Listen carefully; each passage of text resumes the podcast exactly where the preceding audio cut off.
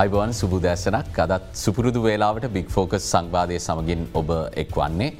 අපි අභියෝග ජය ගැනීම ගැන කතා කරද්දී රට මුහුණදිල ඉන්න ආර්ථික අභියෝගවලින් ජයග්‍රහණය ලබාගන්නට නම් ගතයුතු ක්‍රියාමාර්ග ගැන මේ දිනවල අන් කවරදාටත් වඩා වැඩි සාකච්ඡාවක් සමාජයේ නිර්මාණය වෙලා තියෙනවා. දැන් ජාත්‍යන්තර මුල්ල අරමුදලේ විස්තීරණ ණය පහසුකමට අනුමැතිය හිමිවීම ගැන අපි කතා කරනවා. නමුත් ජාත්‍යන්තර මූල්‍ය අරමුදලේ ඒ සහනය එක්තරා ප්‍රධාන සාධකයක් පමණයි අපිට මේ අර්බුදයෙන් පිටතට පැමිණීම සඳහා. ඊට එහා ගිය විශාල ප්‍රයත්නයක් අපි රටක් විදිහට ගතයුතුව තිබෙනවා නැවතත් පෙරකරපු වැරදි ප්‍රතිපත්තිවලට යන්නේ නැතුව අපේ ආර්ථිකය ශක්තිමත්ව ප්‍රතිනිර්මාණය කර ගැනීම සඳහා. ඒදී රටක ශ්‍රම බලකායට හිමිවෙන්නේ ඉතාම වැදගත් ස්ථානයක් ඉතාම වැදගත් සාධකයක් තමයි රටක ශ්‍රම බලකාය කියල කියන්නේ. ශ්‍රී ලංකාව තුළ ගත්තම පාසල් අධ්‍යාපනය හමාර කල්ලා රැකයා වෙළඳපොලට පිවිසෙන අයගෙන්.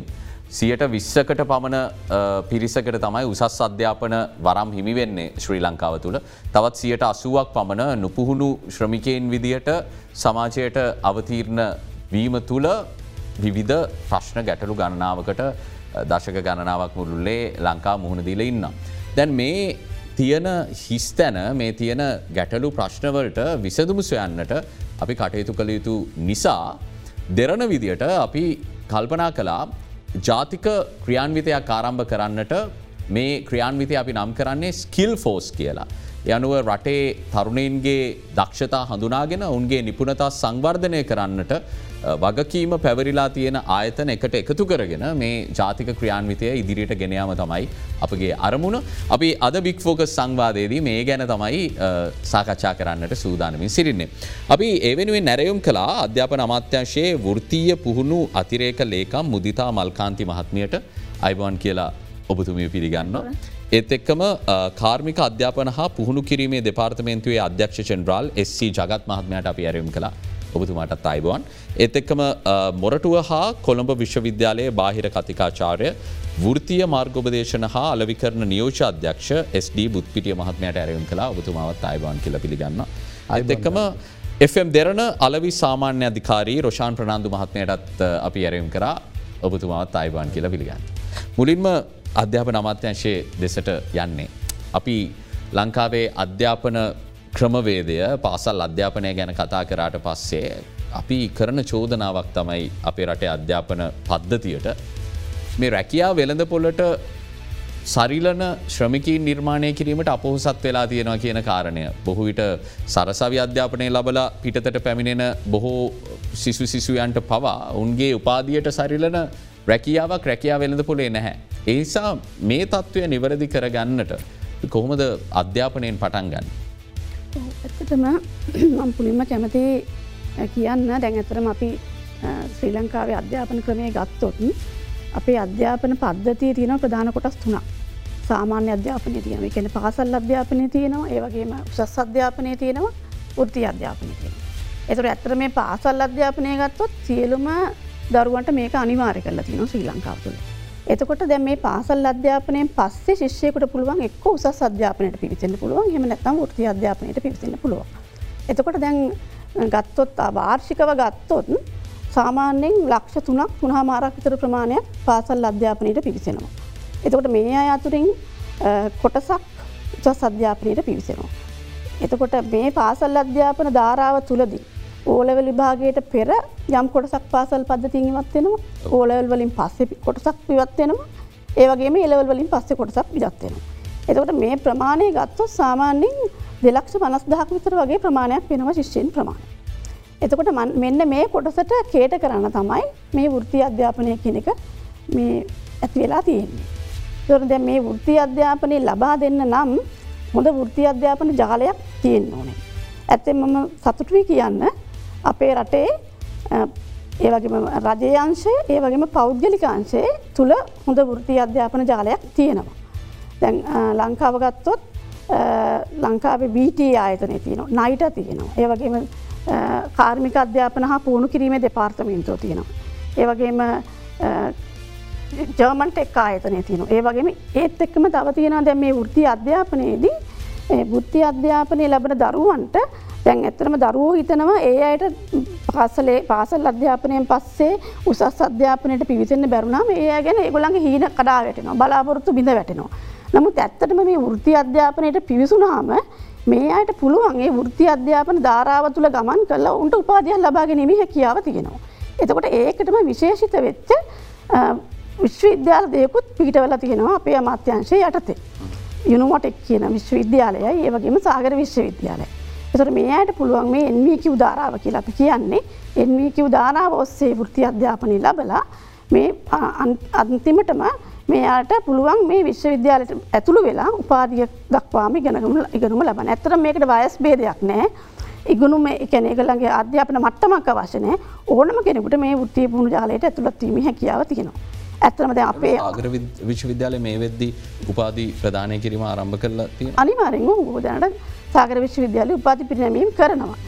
දැන් ඇතරම අමාත්‍යංශය විදිහට ගත්තොත් අපේ වගකීම තමයි මේ තියෙන මේ ලංකාවපුරා විදිලා තියෙන මේ වෘත්ති අධ්‍යාපන ජාලයට අවශ්‍ය කරන මඟ පෙන්වීම ඒ සහාය ඒ වගේම අවශ්‍ය කරන ප්‍රතිපත්ති මේ උපදෙස් ඒවා එවුන්ට දායක කරලා දෙන එක දෙන එක තමයි අපේ වගකීම වෙන්නේ. අපි තවදුරටත් කතා කරමු සාකච්ඡාව ඉදිරිට ඇද්දි ම යොමුවෙන්නේ කාර්මික අධ්‍යාපන හා පුහුණු කිරීමේ දෙපාර්තමේන්තු අධ්‍යක්ෂ චන්ද්‍රාල එසි ජගත් මහත්මයට මෙතුමිය කිව්වා දෙලක්ෂ පනස් දහසක් පමණ උසස් අධ්‍යාපනය හැදෑරීමෙන් තොරව සමාජයට එනවා කියලා. ඔබතුමා යටතේ තම මේ නිපුණතා සංවර්ධනය කිරීමට අදාළ ආයතන තියෙන්නේ. සාමානෙන් දත්ත ගත්තර පස්සේ මේ දෙලක්ෂ පනස් දහසෙන් කොපමන පිරිසක් තමන්ගේ නිපුණතා සංවර්ධනය කර ගැනීම සඳහා මේ ආයතනවලට යොමු වෙනවාද වාර්ෂිකව. ඇත්තටම කලින්ඳ අපේ රාජ්‍ය යාන්ත්‍රණය තුළ සහ පෞද්ගල යාන්ත්‍රණය තුළ දෙකේම මේ නිපුණතාවය දෙන වෘතිය පුහුණුව ඒ පුහුණු කටයුතු නියල්තන ආයතන තියෙන. රාජ්‍ය ආයතන තුළ තියෙන ප්‍රධානම අපේ රාජ්‍යායතන කිහිපය අතරින් දෙපාර්තමේන්තුවක දිර තින්නේ දැ මං වැඩ කරන කාර්මික අධ්‍යාපන පුහුණු කිරීමේ දෙපාර්තමේන්තුව අපේ ආයතනය තුළ තිස් වාර්ෂිකෝ තිස් පන්දාහකට හතලිද්දාහකට ආසන්න පුහුණු ලාබීන් ප්‍රමාණයකට පුහුණු අවස්ථාතියන. ඊට අමතර අමාත්‍යන්සේ යටතේ තියෙන වෘතයපුුණු අධිකාරියත් තවත් තිස් පන්දහකට ආසන්නවත් නයිට ආයතන යටතේ තවත් තිස්දහකට ආසන්න වෙනත් ස්වභාවේ කියන්නේ රැකයා ගත පුහුණු ස්වභාවේ ගැන්න නැෂන් ඇප්ටන්ටිස් මෝඩ් එකෙන් පුහුණුව තින ඊට අමතර කුඩා ආයතන විදිහට තියෙනවා ජර්මන් ටෙක් ආයතනය තවත් ආයතන කිහිප සාගර විශ්වවිද්‍යාලය යුනිෝටෙක් වගේ ආයතන තියෙන යනුව රාජ්‍යාන්සයෙන් ආසන්න වසයෙන් ලක්ෂයකට ආසන්න ප්‍රමාණයකට අපි අර දෙලක්ෂ පනද්දාහෙන් දැනට පුහුණුව පුහුණුව සඳහා අපි අවස්ථාව තියෙනවා. ඊට අමතර ටික පෞද්ගලික ආයතන සහ වෙනත් ක්‍රමවලින් තමයි මේ ලක්ෂයෙන් අපි කාර්මික අධ්‍යාපන පුහුණු කිරි දෙපාතිනතුව තිස් පන්දහත් හතලිද්ධාකට ආසන් ප්‍රමාණයකට වාර්ෂිකව පුහුණු පුහුණු විවිධ ෂේත්‍රවල ෂේත්‍රයන් මංහිතන්නේ දැනට අපේ දෙපාතිමෙන්තුවේ එකසිය දහයක් ඇරතේ වැඩ සටහන් එක්දස් එකසීයක් වාර්ෂික අපි පවත්තාගෙන යනවා මේ ලංකාව පුරාතින තාක්ෂණ හා කාර්මික විද්‍යාල තිස්නාමය හරහා. යනුව ලක්ෂයක් පමණ වාර්ෂිකව සමස්සයන් අපි අපිට කියන්න පුළන්ද මේ නිපුණතා සංවර්ධනයට යොමු වෙනගේ. ඊට වැඩිය මංමකිව රාජ්‍යන්සේ ලක්ෂයකට අතන් ප්‍රමාණයක් පෞද්ගලගන්සයන එනවා එනිසා අපි කෙලිම අමාත්‍යන්සේ අධ්‍යාපන අමාත්‍යන්සේ යටතේ තියෙන ආයතන තුළ ලක්ෂයකට වැඩි ප්‍රමාණය එක් ලක්ෂ දහ දහකට ආසන්න ප්‍රමාණයක් අපි රිජුවම වග කියනවා ඒ කොටස අපේ යටතේ පුහුණුව ලබල රැකයා ගත වෙනවා වැඩි ප්‍රමාණය. සමන වයස්කාණ්ඩ ගත්තම අධ්‍යක්ෂ ජෙනරාල්තුමා උසස් පෙළ අවසන් කරපු දරුවන් අපි දල වශයෙන් කිව්ව. එම උනන්දුවක් තියනවාද මේ නිපුණතා සංවර්ධනයටම ඇත්ත වශයෙන්ම කලඳ දැන් ඇත්තටම මෙතුමිය අපේ කිව්ව වගේ උසස් අධ්‍යාපන අවස්ථා හම්බින්නේ රාජ්‍ය විශ්වවිද්‍යාලවල සාමාන්‍ය හතලිදහක් පනත්දහ. තවත් යම් විසිදාහක් විතර විදේශ විශ්වවිද්‍යාලට යන මේ තුල්ලක්ෂ පනත්දහන් ඔය හැත්තදහ ගිහාම ඔය දෙලක්ෂ තිද්දහත් පනස්දහත් අතර ප්‍රමාණයට කරන්න දෙයක් නෑ ඇත්තටම. ඒකෙන් නොපුහුණු ශ්‍රමිකයන් විදිහට විදේශගත වෙන කොටසක්. නැත්නං වෙනත් වෙනත් විවිධ ක්ෂේත්‍රවලට විවිධ තැන්වලට යොමු වෙන අවිධමත් අවිධමත් අවිධමත් ආර්ථිකට යොම වෙන. ඒ අපි මේ ක්ෂේත්‍රය තුළ අපි ලක්ෂයක් එක්ලක්ෂ දහදහක ප්‍රමාණයක් අපි කෙලින්ම පුහුණුව සඳහා බඳවාගෙන ඔවුන් නිපුණයන් විදිහට රැකයා ගත වෙනවා නිශ්චිත හොඳ වැටුප් තල යටතේ දේශීයව සහ විදේශී. එතනින් වැඩි ප්‍රතිශතයක් ඉන්න පාසල්ලෙන් එලියට එන දරුවන්ද නැත්තන් ඉහල වයස්කාණ්ඩ ඇත්තටම ඒක දැන් අපි වැලුවතින් සෑම වයසකම සෑම මටම ගෙන් පාසලේ හතාට වසර වලින් දහය වසර එකොළ හවසර උසස් පෙළින් ඒනය බොහෝවිට ඩිප්ලෝමා මට්ටමේ පාටමාලා එන්නෙකු පහහය පාටමාලාවල් තමයි නැමුරුවෙන්. ඊට මෙහා සියලුම අය සාමාන්‍ය පෙළ හතාට වසර ළමයි ඒ අයි නැම්රුවෙන් එන්නෙකු තුන හතර මට්ටමේ පාටමාලාවල්. මේක බේදයක් නැතුව උසස් පෙල්ල සාමාන්‍ය පෙල්ල පාසල් අධ්‍යාපනය තුළදී ඇද වෙන්න සියලුම අය අපේ විද්‍යාලවලඉන්න. ස්ලි බුත්පිටි මහත්මය ම මෙතුමාගෙන් ඒ ප්‍රශ්නය අයි අයයන්න හේතුව සාමන අපේ සමාජ ආකල්පයක් තියෙනවා වෘතීය අධ්‍යාපනය කියන එක සරසවි අධ්‍යාපනයට වඩා අඩු තත්ත්වය කලා සලකනවා කියලා ඒක තරකානු කූල නොවන දෙයක් කියන එක කරුණු දන්න ඕනව කෙනෙක්ට තේරුම් ගන්න පුළුව නමුත් මේ ආකල්පය අපි විවෘතව කතා කරදි කතා කරන්න තියෙනවා නෙහෙම කල්පයක්. ඒ ඔබතුමාගේ විෂය මේ වෘතිය මාරු මාර්ගෝපදේශනය කියන කාරණයේදී. කොහොමද මේ තියෙන ඒ වැරදි ආකල්පය විදහෙලන්න ඔබතුමාල මේ වෙද්දි කටයුතු කර. ඔවු කලින්දු දැන් අපේ රටේ තරුණ පෙළට ඒ වගේ මේ තරුණයන්ගේ දෙමවපියන්ට ඔවුන්ට තොරතුරු ගලායන ක්‍රමවේදය බලපු හාම අපට පෙන ගොඩක් දේවල් ගැන තොරතුරු ගලාගෙන නවා. ද පාසැල් පද්ධතිය ඇතුළදී දෙමවපියන්ට ගුරුවරුන් ගෙනුත් දරුවන්ට ගුරුවරුන් ගෙනුත් ඉලට දෙමවපියන්ගෙන් ඒ දරුවන්ටත් තොරතුරු විශාල ප්‍රමාණයක් ලැබෙනවා උසස් අධ්‍යාපනය කෙසේ හැදෑරිය යුතුද කියන එක ගැන. ඔවුන් සාමාන්‍ය අධ්‍යාපනය ලබන කාලය තුළද මේක තදින් කාවදිනෝ. මේ කාවදින දහරාව ඇතුළේ අපි වැඩියෙන්ම දකින්නේ හරිම නිශ්චිතව විදිමත්ව සාමාන්‍ය පෙළ හදාරලා උසස් වෙල අදාරලා විශුද්ධයාලට යාම පිළිබඳ කතාව තමයි ඒ කතා ප්‍රවෘතිය තමයි දරුවන්ට ලැබෙන්නේ. හැබැයි අද මේ අපි අද සාකච්ඡා කරනවා වගේ අපි ඉස්සෙල්ල මේ අත්‍රිකලකම්තුමියත් අධ්‍යක්ෂ ජනරල් තුමත් කිව්වාගේ මේ රටේ වැඩි ප්‍රමාණයක් විශ්වවිද්‍යාලයට නොයන ප්‍රමාණය විවිධාකාරයෙන් පෞද්ගලිකාංශයත් වෙනත් ආයතනවලත් පුහුණුව ලබා ගැනීමට පෙළඹෙනවා. හැබැයි රාජ්‍ය යාන්ත්‍රණය තුළ අධ්‍යාපන අමාත්‍යංශයේ යටත තියෙන මෙම ෘතික අධ්‍යාපන අවස්ථා මොනවද කියන එක පිළිබඳව දරුවන් තුළ ඇති අඩු දැනුම ඒ ඇන ඒ පිළිබඳ දැනුවත් භාවය අඩුකම මහිතනෙ තිබෙන විශාලම ප්‍රශ්නයක්. මොකද ඔවුන්ට මගක් තෝර ගණ්ඩ නම් ඒ තෝරා ගැනීම සඳහා අවශ්‍ය තොරතුරු ටික තිබෙන්න ඕනනේ. එතකොට අපි සාමනෙන් ගැසට්ටිගේ තමයි කාර්මික විද්‍යාලවල පාටමාලා පිළිබඳව දැනුම් දෙන්නේ. තව පුවත් පත්වල. ඊළඟට අනිකුත් වෘතිය පුහුණු සපයන්නන් ඔවුනුත් තව විධාකාරයෙන් පත්්‍රිකා මාර්ගයෙන් එහෙම මේ දැනුවත් කිරීම කරනවා.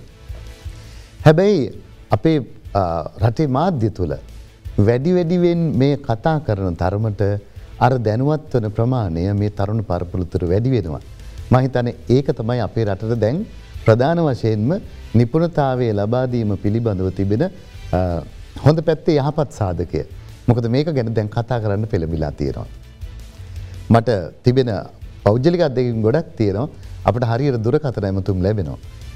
ඊයේ කතා කර විශ්විද්‍යාල ශිෂ්‍යයෙක් ඕ කිව්වා අවුරදු විසි නමයයි වයස උපාධයක් තිබෙනවා රුපියල් ලක්ෂයක පමණ වැටුපක් ගන්නෝ බැරිද කාර්මික විද්‍යාලයට ඇවිල්ල කෙටිකාලින පාටමලාව කදාරර රට යන්න කියලා. ඇති මේවැන් අපට පේනවා තියෙන අවස්ථා පිළිබඳව දැනගන්නෝ වගේම ඒ පිළිබඳව තවතවත් තොරතුරු ලබාදීම ඉතාම වැදගත් කියලා. අපි ඇතරව ස්තුතිවන්ත වෙනවා මෙවැනි වැඩ සටහන් වැඩි වැඩියෙන් මාධ්‍යකාලය පාවිච්චි කරලා ජනතාව අතරට ගෙන යාම ගැන. ප්‍රශාන් ප්‍රනාන්දු මාත්මයා අපි කොහොමද මේකට මැදිහත් වෙන්නේ අපේ භූමිකාව මොකක්ද දෙරන විදියට. කලින්ඳ ඇත්තරම ගත්තොත් මුලින්ම කියන්න ඕනේ අපි මේ වගයුතු මාධ්‍ය ආයතනයක් විදියට අපි රටේ සාමාජය වෙනසක් ඇති කරන්න පුළුවන් මාධ්‍ය ජාලයක්. ඒ අපි හැම වෙලායම අපි ඒක දැකල තියෙනවා. ඒ වගේම අපිට මේ වෙලා හිතුන ඇත්තරම අපි ඉන්න මේ ආර්ථික අවපාතයත් සමගම ගෝලිය ආර්ථික අවපාතිකුත් තියන ගෙන ගලෝබල් රෙසේෂණ එකකුත් මේ වෙලා යනවස් මේ රෙසේෂණ එකත් එක් ඒ අපි දකි නෑ ගොඩක් දුරට අඩුයි. දැන් අපි ඉන්න තත්ව යනු හැබැයි මේ ඕනෑම රෙසේෂණ එකින් පස්සේ අපිට තියෙනවා මේ නැගීමක්. හරිත ඒ නැගීමට අපි සූදානම්ද.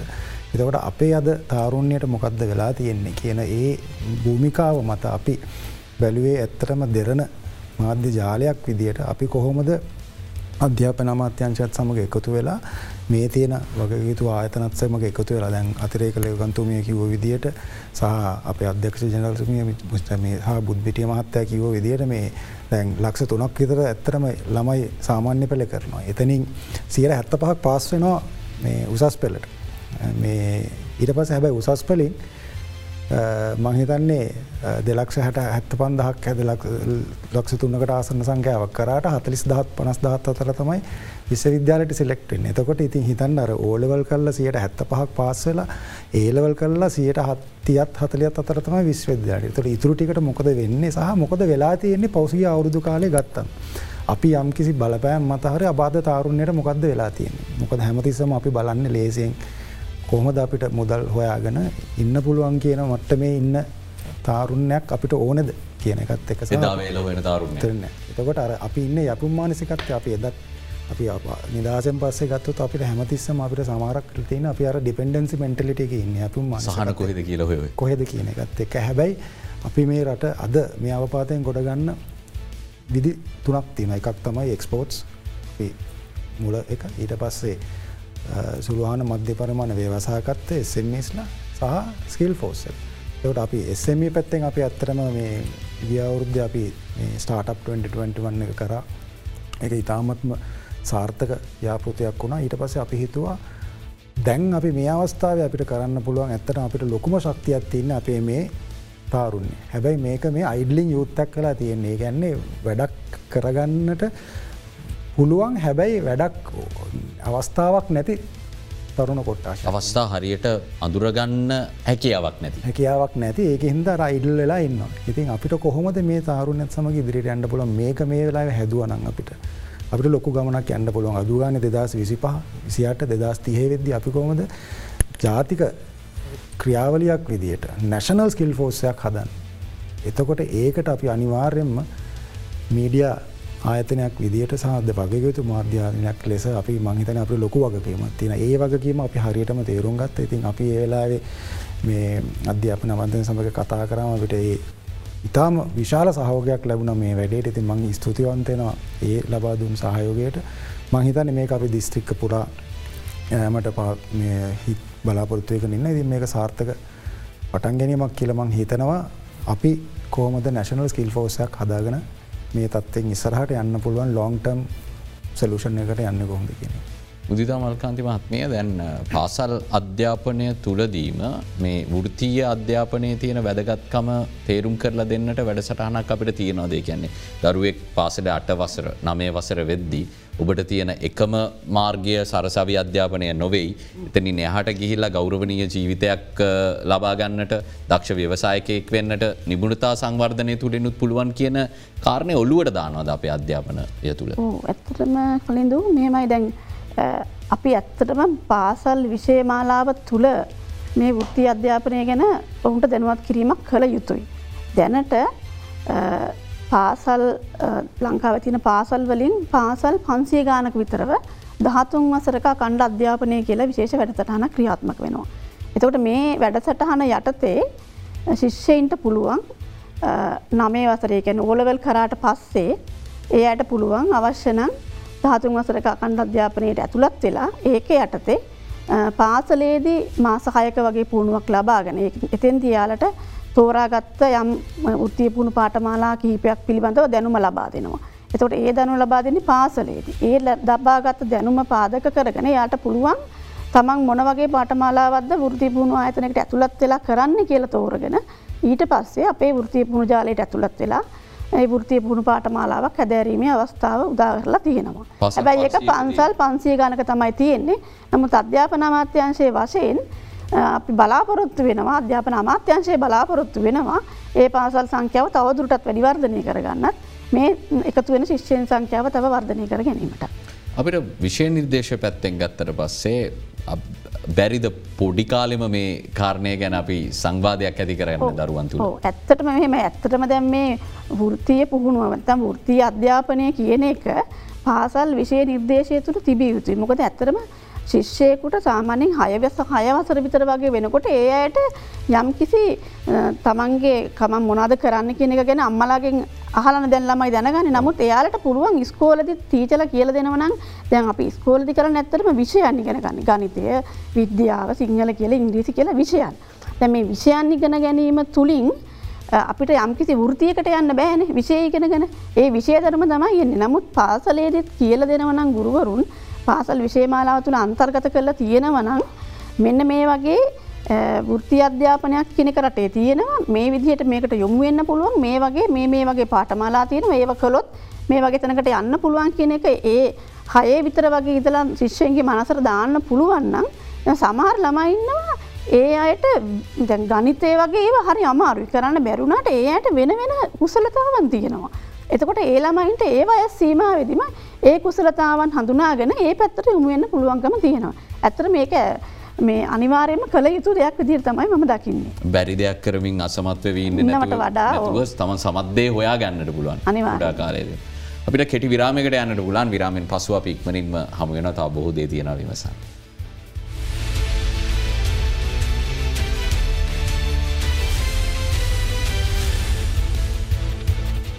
ඔබ යළිත් බික් ෆෝකස් සමගින් ශ්‍රී ලංකාව තුළ ජාතික ශ්‍රම බලකාය සකස් කර ගැනීමේදී අපිට මුහුණ දෙන්නට සිදුවෙලා තියෙන අභියෝග සහ අපි කොහොමද මේ වෙලාවේ ඒ අභියෝග ජයගනමින් අපිට ගැලපෙන ශ්‍රම බලකායක් නිර්මාණය කරගන්නේ කියන සාකච්ඡාව අපි දෙරන ස්කිල් ෆෝස් ව්‍යාපෘතියට සමගාමීව මේ වෙලා සාකච්ඡා කරමින් ඉන්න. ම යොමුුවන්නේ එස්සි ජගත් මහත්මයට එතුමා කාර්මික අධ්‍යාපන හා පුහුණු කිරීමේ දෙපාර්තමේන්තුව අධ්‍යක්ෂ චෙන්ද්‍රල්බරය දැන් අපි මීට කලින් වටේ සාකච්ඡා කරද්දි කිව්වා උපාදියකුත් තියෙන මේ වෙද්දි ලක්ෂයක් වැටුප් ගන්න කෙනෙක් පවා. ඇවිල කියනවා කියලා නිපුණතා සංවර්ධනයට යොමුවෙන්න බැරිද මට විදේශීය රටක රැකියාවකට අයදුම් කරන්න කියලා. මොනාද තියෙන අවස්ථා ඇත්තරම ශ්‍රී ලංකාව තුළ හොඳ පඩියක් ගන්න විදේශය රටකට පුහුණු ශ්‍රමිකයෙක් විදියට යන්න ශ්‍රී ලංකාවේ දැන් තියෙන ෘතිය පුහුණු මධ්‍යස්ථානවලින් අපිට ගන්න පුළුවන් අවස්ථාවනා. ඇතනම කල්ද ඒක තමයි ඔබගේ මාධ්‍යජාලය හරහා මේ රටට ගෙනයා යුතුයි කියන මගේ අදහස. ඇතරම ඔබ ඒ භාරදූර කාරයට තමයි මේ ස්වච්චා මැරිල් අපිතේ කතා කරල මේ උරදීලා තියෙන්නේ ඇතන ස්තුතිවන්තය නො නැවතත් දෙරන මාධ්‍ය ජාලයට. විශාල අවස්ථාවන් තියෙන. මේකයි කියලා ඉවර කරන්න බැරි ඕනෑම අධ්‍යාපන මට්ටමක. ඕනෑම වසරකින් පාසල් හැරගිය. ඕනෑම අධ්‍යාපන මටමත් දක්වා ඉගෙනගත්ත ඕනෑම කෙනෙකොට ගැලපෙන්න. ස්වභාවය අනු අපිට ඕනේ මාස හයකින් රැකයා ගතවෙන්න නම් මාස හයකින්. අපිට අවුරුද්ධකින් ඕන්නම් පාටමාලාවක් අවුරුද්ධකින්. අවුදු දෙකකින් තුනකින් උපාදියකින්. ඕනෑම මට්ටමක ඕනෑම කාලෙක අපි අපේක්ෂා කරන විදිහේ කාලරාමුවත් තුළ නිශ්චිතම රැකියාව ලබාගත හැකි පාටමාලා අපි අතර තියෙන උදාහරණයක් විදිර මම හැමදාම ගියොත් කියන්නේ දැම් මේ යොගේ මේ වෙලා අවශ්‍යතාවය විදේශ රටවල විශාල වශයෙන් ඉල්ලුමත්ති නො වෙල්ඩිම් පාටමාලා. අතර වෙල්ඩිම් පාටමාලාක මූලික පාටමාලාවක් සඳහා මාස හයයන්. NVQ3 මට්ටමේ වෙල්ඩිම් පාටමාලාක මාස හයයි. ඇතරම කල්දු කියන්න ඕන මේ තියෙන අවස්ථාව වෙල්ඩිං වලින් ඉදිරියට කියනන අවස්ථාව දැන් කොරියානු රජයේ ආයෝජකයන් කලින් රැකයා අපි ගත්තේ විදේශ රැකයා නියුත්ති කාරයන් සයාර. දැන් ගිය සතියේ කෙලින්ම ආයෝජකයෝ දැන් අපේ පුහුණුව ඇතනවලටෙන. ඒගොල්ල කියන අපේ වෙල්ඩිං ශොප් බල්ල අපිට පොගොල්ලොගේ සෙනග අපේ ශිෂ්‍යෝ දෙන්න කියලා. ඒ වෙල්ඩිං පාටමාලාට කියන්න අපේ අපේ අධ්‍යාපනයත් එකත් මටත් ඇතරම ලැජ්ජය කියන්න ඒ වැටු ලක්ෂ දහයත් පහළවත් අතර. ඒ කියන විශේෂ සුවිශේෂය වූ නැව් නැව්කර්මාන්තයට අවශ්‍ය විශේෂ ෆලස්කෝට ටක් වෙල්ඩිං කියලා වෙල්ඩිං විශේ ගෙන ගත් අයට තව එක මොඩියුල්ල එකක් ඉගෙන ගන්තින් ඒක ඉගෙනගත් අයට දැන් ඒගොල්ලෝ එක්ස්පිරස් නැතුව අතරගන්න. ලක්ෂ දහයෙන් තමයි පටන්ගන්න ඒකට පට ඒ තරම් ඉල්ලුම ඒ තරන් ඉල්ලුමක් කොරයානු රජයේ ඒගොල්ලන්ට විශාල නැව් නිෂ්පාදන ඕඩ සැවිල්ල ඒගැන ආයෝජකය මේ රටට කෙලින් වෙනවා හරහයෙන් නැතු ඒ තත්වයට පත්වෙලදී. ඒ නිසා ඒ මම එක විෂයක් විතරයකුවේ ද අපි සංචාරක ශේත්‍රයේ ගත්තොත් බේකිරි හෝටල් සූපවේදී වගේවයි අපිට ඕනම තරම් අවස්ථා තියනවා මේ මාසායක පාටමාලාවක් කරන්න හෝට අපේ හෝටලේක මාසායකිට හම විදේශගතම ඉතා පාසු රොමේනියා වගේ රටවල ලක්ෂ දෙක හමාරට තුන තමයි මූලක පඩි. දැනට අපේ අපි දන්න අපේ මේ මේ අ- අවසාන මේ ප්‍ර- මේ සහතික ලබාගත්ත අය ඇවිල්ලා මේ පරිවලට යන ම මේ ලක්ෂ දෙක දෙක හමාරකවේ අඩුමට්ට මේවා. අරවගේ පාටමාලාවල ඊට වඩා වැඩි. ඒ නිසා ඒ වගේ ඇල්මිනියම් පාටමාලා ඇල්මිනියන් මා සහයක පාටමාලා දේශය විදේශී විශාල වශයෙන් රැකයාතියෙන. එනිසා මේ විවිද්ධ කණ්ඩායම්වලට කාලය අවශ්‍යතාව යනු තමන්ට ඉක්මට නම් ඉක්මට. තව දුරටක් ගිහිල්ල ඔන්නම් වැඩි දුර අධ්‍යාපනය ලබල ඔන්න ඒ නිසා. එනිසා මම මේ කියන්න අපේ අවස්ථාවට අපේ ස්ථානවලට එන්න ඔබ අතරමංගල නෑ ඇතරම අධ්‍යාපනය උපාදිය ලබපු අයත් දැන් එනවා අපේ වෘතය පුහුණුවට මොකද විදේශගත වෙන්න බෑ උපාදියකි. ඇබැ විදේශගත වෙන්න පුළුවන් තමන්ට හැකියාවත්තින නිපුණෙක්න. එනිසා ඒ වෘතියකින් තමයි විදේශගත වන්න විදේශරටවල ගන්න වෘතියක් පුළුවන් අය. එනිසා ඒ වෘතියට විශාල වැටුප් තියෙන. එනිසා කිසිම සැකයක් තියාගන්න එපා. ඕන අධ්‍යාපන මට්ටම කෙනෙකුට විවිධ පාටමාලාන්තින මම මම කිව්වේ පාටමාලා කිහිපයයි. පාටමාලා විශාල ප්‍රමාණ එකසිය දහයකට ආසන ප්‍රමාණයක් අපි පවත්වනවා. ඔටෝම්වයිල් ශේත්‍රය ආශ්‍රිතව එයා කන්ඩිෂන් ආශ්‍රිතව කෘෂිකර්ම පාටමාලා ආශ්‍රිතව විශාල පාටම සංචාරක ශේත්‍රය ආශ්‍රිත පාටමාලා ගොඩ නැගල ඉදිකිරීම ආශ්‍රිත පාටමාලා විශාල පාටමාලා තියෙන. එනිසා ඒ සියලු විස්තර අපිට ඔබට සපයන්න පුළුවන්. වහම ළඟම තියෙන කාර්මික විද්‍යාලයට හෝ ෘතිය පුුණු අධිකාරී ආයතනයට ගිහිල්ල තමන්ට තියෙන අවස්ථාමනෝද කියලා හොයල බලන්න කියලා මං අපේ තරණතරුයන්ගේ ඉල්ලා සිටිනවා. පුහුණු නොවී විදේශ රටකට යන්න එපා. පුහුණුවල් ලබල වැඩි වැටුපක් ලැබීම ලබාගන්න හැකියාවෙන පරිදි මාස හයක හෝ පුහුණුවල් ලබාගෙන යන්නේ කියලා මං අපේ තරණ තරණයන්ගෙන් ඉල්ලා සිටි. බුත්පිටිය මහත්මයා දැන් මේ වැඩසටහන තුළ දෙරනත් එක් අපි තරුණ ප්‍රජාව දැනුවත් කරද්දි වෘතිය මධ්‍යස්ථානවට එන්න කියලා නිපුණත්වය ලබා ගන්න. කොහොමද මේ වැඩසටහන සකස් වෙන්න ඔවුන්ට මේ පිළිබඳව සන්නිවේදනය ලබා දෙන්න ඔවුන්ට එක තේරෙන විදිට කියන්න සරල වහනවන. පාසැල් අධ්‍යාපනය තුළ පාසැලයින දරුවට තමයි මුලින්ම මේ පණිවිඩේ ගෙනයා යුත්තේ. එතකොට අධ්‍යාපන අමාත්‍යන්සේ මේ පිළිබඳව අපි එකඟතාවයක් තිබෙනවා මේ පාසැල් පද්ධතිය තුළට මේ පණිවිඩේ අරගෙන යන්න. විශේෂයෙන්ම අර අතිරේකලේකම්තු මේසල කිව්ව වගේ පාසල් පද්ධතිය තුළ තිබෙනවා මේ නිපුණතා පිළිබඳව අවබෝධ කරලා දෙන්න අවශ්‍ය වැඩසටහන් තිබෙනවා. ඊට අමතරව වෘතිය මාර්ගෝපදේශන නිලධාරීන් ඒ පාසැල් තුළමත් ඉන්නවා ගුරූපදේශකවරුන් ඉන්නවා ඒ සඳහා යොදවුණු කණ්ඩායමකොත් ඉන්නවා. එතකොට ඔවුන් සමග අපේ වෘතිය පුහුණුව සපේන ආයතනවල ඉන්න වෘතිය පුහුණු නිල්ධාරයෙන් ගිහිල දැනුවත් කිරීමේ වැඩසටහන් පාසැල්වල තියෙනවා. මේක තමයි විදිමත්ව යන ක්‍රමය. ඊට අමතරව දැ මේ අපි දෙරන ස්කිල් ෆෝස් එක මේ පිළිබඳව රූපවාහිනය මාර්ගයෙන් විශාල ප්‍රමාණයක් ප්‍රතිචාර්තය බෙනවා අනු නමයයි බින්දුවයි බින්දුව කියන දුරකතන අංකේට SMS පනීඩයක් එවීමෙන් මේ අපේ වැඩසටහන පිළිබඳව සහ ඒට ලියාපදින් කිවීම සඳහා අවස්ථාව තිබෙනවා. මහිතන ඒක පිළිබඳව මේ දැනුවත් කිරීම වැඩසරන් කීපයක්ම ඉදිරියේදි පවතිනවා. එතකොට සහභාගවෙන්න කැමති අයට ස්කිල් පෝස් වැඩසරහන සහභාගවෙන්න කැමතියට මොනවද ලැබෙන්නේ කියලත් අපි ප්‍රශ්නයක් එනවහ අනිවාර. එතකොට මේ ගොලන්ට ඇත්තේම මොනවද ලැබෙන්නේ. අපි බැලුවොත් හිස් අතින් ගෙදරයන්න නෙමෙයි දරුවික් පාසැලවන්නේ. එතකොට දෙමවපියන්ගේ බලාපොරොත්තු තිබෙන්නේ ඔවුන් අධ්‍යාපනික වශයෙන් ඉහලට යනයක වෘතිය වශයෙන් ඉහලට යනයක යම්කිසි ආර්ථික සංවර්ධනය ජයග්‍රහණයක් ලබන එක. අපට එතැති පේනවා පාසල් අධ්‍යාපනය නෙමකොළොත් විශ්විද්‍යාලයට නොගිහි. ඔවුන්ට අනිවාරයෙන්ම තිබෙන ඊළඟ අවස්ථාව වෘතිය පුහුණුවක් කාර්මික අධ්‍යාපනයක් ලබන එක. එතකොට මේ සඳහා තමයි මේ ආරාධනාව. අධ්‍යක්ෂ ජනරාතුමා කිව්වාගේ අපේ විද්‍යාලවලට එන්න කියලා අපිට ආරාධනා කරන්න පුළුවන්. එයිට අමතරව මේ සෑම තරුණ තරුණියකුටම නිකං ඉන්න නැතුව නිකරුණේ කාලයගත කරන්න නැතුව. යම් කිසි විදිමත් විදියට සකස් කරගත්ත රැකියාවකට තමන්ව ගැලපීම සඳහා. අවශ්‍ය වෙන පුහුණු අවස්ථා කීපයක් පිළිබඳව මූලික අවබෝධය මංහිතන්නේ මේ වෙනකොට සමාජයේ පැතිරලා තියෙනවා. දැ විදේශ ගත වෙනවනම් රැකියාවකට අපේ සමාජය තුළ අවබෝධයක් තිබෙනවා යුරෝපිය රටකට යනවනම් ඉංග්‍රීසි පිළිබඳව භාෂාමාධ්‍ය පිළිබඳව ඉගෙනගෙන තියට ඕන කියලා. කොරියාවට යනවන යම් කිසි දුරකට කොරියන් භාෂාව.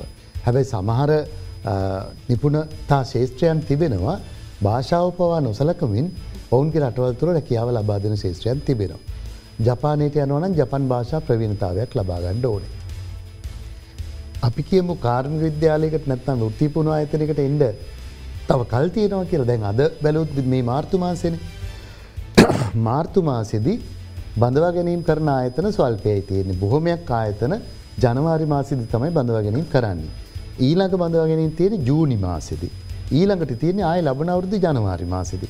අපි මෙහෙම වැලූ හම මේ වැඩසටහන්වලට එකතු වෙන අයට පුළුවනි තමන් වෘතිය ශේෂත්‍රයක් අධ්‍යාපනය ලබා ගැනීමට බලාපොරොත්තු වෙන අතරෙම විදේශගතවීමනන් තමන්ගේ අරමුණ අර කොරියන් භාෂාව ජපන් භාෂාව ඉංග්‍රිසි භාෂාව සඳහා එකතු වෙන්න පුළුවනි. ඒ ඒ පූුණු පාටමලා පවත්වන ආයතන සමඟ එකතු වෙලා ඒ කාර්ය සම්පූර්ණ කරගන්න පුළුවනි. ඒ කාර්ය සම්පූර්ණ කරගෙන ඊට පසුව වෘති පුහුණුව ලබාදන ආයතනයකට පැමිණිලා ඒ කෙටිකාලින පාටමලා හදාරන්න පුළුවන්. මම තව එකක් කියන්න ඕනෙ කලින්දු දැන් අපි ඉස්සෙල කතා කලා වගේ මේ රටේ තරුණු තරුණියන්ට විශාල හැකියාවන් සමූහයක් තියෙනවා. ඒකෙදී අපි බලන්න ඕනේ ඒ හැකියාවන් ප්‍රයෝජනයට ගනිමින්ද ඔවුන් ජීවත්වෙන්න කියන එක. දැන් විශ්වවිද්‍යාලයකට අපි විශ්විද්‍යාලගත වෙලා උපාධයක් ලබාගෙන සාමාන්‍යයෙන් රජය රැකියාවක් බලාපොරොත්තුලා ඉන්න කෙනෙකුට යම්කිසි සීමාවක් තියෙනවා තමන්ගේ ආදායමය. එතකොට මේ ආදායමෙන් සෑහිමකට පත් නොවෙනකොට තමයි ඔවුන් සලකා බලන්නේ මගේ තවත් හැකියාවන් තියෙනවනම් ඒව තුළින් මගේ ජීවිතය ගෘතිය සංවර්ධනය කරගන්න පුළුවන් නේද කියලා. එතකොට ඒ අයටත් අවස්ථාව තියෙනව මේ ශේෂත්‍රය තුළ. අවුරුදු දාහතෙන් ඉහළ දරුවන්ට මේ සඳ අවස්ථාව තියෙනව වගේම ඔවුන් වැඩිහිටියන්ව ඔවුන් රැකියාගත වෙලා සිටියත් මේ තුළ අවස්ථාව තිබෙනවා නිපුණතාවයන් ලබාගෙන රට තුළ රැකයා කරන්න වගේම විදේශගතව රැකයා කරන්න. අර ඉස්සෙල්ල කිව්වගේ අපි රාජ්‍ය වසයෙන් විශාල ප්‍රාග්ධනයක් මේවට යොමු කරනකොට ඒ ප්‍රාග්ධනය මත ප්‍රතිලාභයක් අවශ්‍යයිනි. එතකොට අපේ රටේ සමස්ත තරුණ ජනගාන සිට විසිතුනක් විතර වගේ ප්‍රමාණයක් ඉදිරියේදී මේ නිපුණතා දියුණු කරගෙන මේ රටේ සංවර්ධනයට දායක විය යුතු තිබෙනවා. ඒ සඳහා රජයේ ආයෝජනය කරනවා වගේම ඒ ආයෝජනය කරපු මුදල් නැවත ලැබෙන්ඩ ක්‍රමවේදයක් තිබිය යුතුයි. එහෙමනම් නිකරුණේ ගත කරන්න බෑ අධ්‍යාපනය ලැබුව ඒ අධ්‍යාපනය පාවිච්චි කරමින් ආර්ථික සංවර්ධනයට දායකවීමට හොඳම මාර්ගයක් තමයි නිපුණතා පාදක පුහුණුවක් ලබාගෙන ඒ ශේත්‍රය තුළින් රැකිය ගතවීම. හොඳයි. අපිට කෙටි විරාමයක් ලබාදෙන් රෝෂන් ප්‍රනාන්දු මහත්මයට යන්න කලින් විරාමෙන් පස්සේතුමට යමුගෙනම බලාපොරොත්තුව.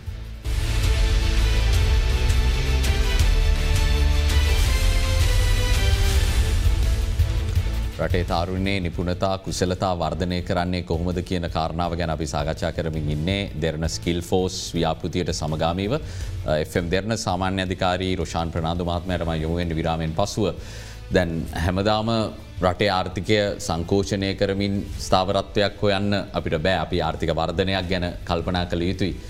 ඒ නිසා දැන් වර්ධනය වෙන ආර්ථිකයක් ගැන කතා කර දෙබතුම කලින් කිව්වාගේ ව්‍යවසායකත්වය කියන් නිතාම වැදගත් කාරණයක් අපි අනිවාරයෙන් යොමුුවෙන් ඕනේ. මේ සංවාධය තුළ අපි බොහවිට කතා කරා පුහුණු ශ්‍රමිකයන් කොහොමද වෙනත් රටවල් වල තියෙන ඇබෑර්තු සඳහා යොමු කරන්න කියලා. නමුත් අපි මේ පුහුණු ශ්‍රමිකින් සහ ව්‍යවසායකත්වය කියන කාරණාව එකට ගලපල. ලංකාව තුළ අපේ ව්‍යවසායකත්ව සංස්කෘතියක් කරහා ලංකාවේ ආර්ථික වර්ධන ඇතිකරගන්න ඔවුන්ව මෙහෙම රඳවා ගැනමින් කටයුතු කිරීම ගැන මොනවගේ සංකල්පයකරද අපිට යන්න පුළ. කලින්ද ඇත්තටම ගත්තොත් මේ අපි මේක මුලදි සාකච්ඡා කරද්දි අමාත්‍යංශයත් සමඟ සහ මේ කාර්මික විද්‍යාලත් සමඟ දැන්වෙලා තියෙන්න ඇත්තටම මේ මෙහි තියෙන ඩිමාන්්ඩකටත් අපිට කේට කරගණ්ඩ බැරි ප්‍රශ්නයක් තියෙන් ඉතින් මේ අපි කියන්න මේ පිටරට යන්න ඕන නෙමේ මංකැන ඇත්තරම ලංකාව ඇතුලි තියෙන අවස්ථාවලටත් අපිට පුුණ ශ්‍රමිකයන් අවශ්‍ය ප්‍රමාණයට සපයගන්න පොඩි ගැන ඒ අඩුව තියනවා ඒ ගැප් එක. එතකොට ඉති ඒ අඩුව තියෙද්දි තමයි අපි මේ තත්ව ඉන්න අද. එතකොට ඒගැන්නේ අපි බලන්න ඕන ඇත්තටම අපි කොහොමද මේ ඉස්සල්ලම මේ ගැප් එක අපි ෆිල් කරගන්න කොහොමද කියෙන එතකොට රට ඇතුළත අපිට මේ වර්ධනය ඇති කරගෙනවා කිවෝගේ යන්න එතැන්ට යන්න පුළුව හැබැයි අර මෙතන වෙලා තියෙන්නේ මේ ඇත්තරම දැනුවත්කමක් නැතිකම. ඉතිරින් ඇත්තරම ආයතන මට්ටමෙන් කරාම අපි ගැසට් කරනවා පුවත්පත් දැන්වීමත් දානවා. එක ආකර්ශණය මදී මේ ඉතින්- එකතු කරගැන්. කරගන්න. එතකොට අපි කරන්න ඕන අපේ වගේම මේ වෙලා අපි කන්සෙප්ෂල් ඒතුව අපි මේක යුත් ෆ්‍රෙන්ඩලි කරන්න කොමද කියන දැන් අපි රජිස්ටේ එක වෙන්ඩ කියල දන්න ස්කෑන් යව අරගත් දෙලතිනවා ස්කෑන් කරන්න කියනවා. මේ- මේ- ඒ වගේ අර යුත් ෆ්‍රෙන්ඩලි විදිකට එතකොට මේක නැශනල් කැම්පේනයක් අපි ගොඩනගන ඊළඟ ස්ටේජ් එකේද. මොකද අපි කොච්චර සාකච්ඡා තිබ්බත් අපි මේව කරත් හැබැයි අපි කොහොමද මේ තාරුණ්‍යයට අපි කතා කරන්නේ. අපි ජාතික මට්ට මේ කැම්පේනක් අපි ගොඩනාගන්න තොර මේක දෙවෙන අදියට තමයි අපි මේක අද තිස්සෙක් වෙනිද මාර්තතෙක් වෙනිද මේ කාර්මික විද්‍යාලය අපි ලෝංචක කරන ඊට පස්සේ මේක දිස්ත්‍රික පුර හැමදිස්්‍යයක්ම කවයන විදියට යනවා.